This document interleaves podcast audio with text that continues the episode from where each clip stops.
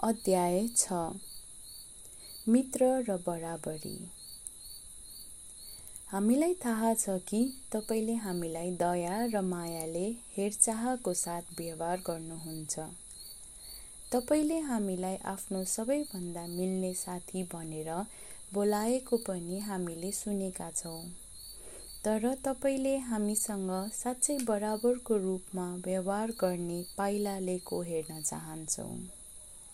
एकपटक तपाईँले हामीलाई बराबरको रूपमा मानेपछि तपाईँसँगको सम्बन्ध धेरै रमाइलो हुन पुगे पनि यो केवल हाम्रो लाभको लागि मात्र हुने छैन। यसले हामीसँग तपाईँको सम्बन्धलाई अझ बढाउँछ।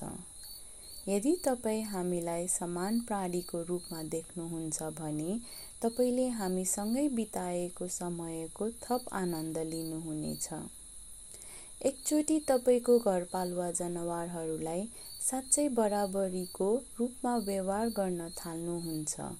त्यसबेला तपाईँले आफ्नो हृदयमा र अस्तित्वमा कहिले नदेखेको एउटा ठाउँ खोल्नुहुनेछ। जब तपाईँ हामीलाई समान व्यवहार गर्नुहुन्छ तपाईँले हाम्रो सम्बन्धमा परिवर्तन देख्नुहुन्छ।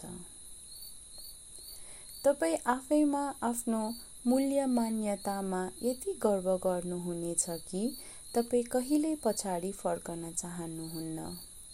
हाम्रो लागि मात्र होइन विशेष गरी तपाईँ आफ्नै लागि साहसी हुनुहोस् र कदम चाल्नुहोस्।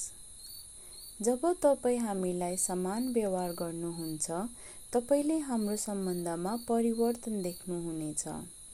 हामी तपाईँको इच्छाहरू शब्दहरू र इसाराहरूमा अझ राम्रोसँग प्रतिक्रिया दिनेछौँ। जब तपाईँ हामीलाई समान रूपमा व्यवहार गर्नुहुन्छ तपाईँले हाम्रो सम्मान प्राप्त गर्नुहुन्छ र हामी तपाईँलाई विश्वास गर्न सक्छौँ। हामीले तपाईँको कल्याणको धेरै तरिकामा ख्याल राख्छौँ जुन तपाईँले महसुस पनि गर्नुभएको छैन। हामीसँग भएका सबै ज्ञान तपाईँसँग बाँड्न चाहन्छौँ र तपाईँमा भएका सबै गुणहरू पनि जगाउन चाहन्छौँ। हामी वास्तवमै आफूलाई तपाईँको साथी र परिवार ठान्छौँ।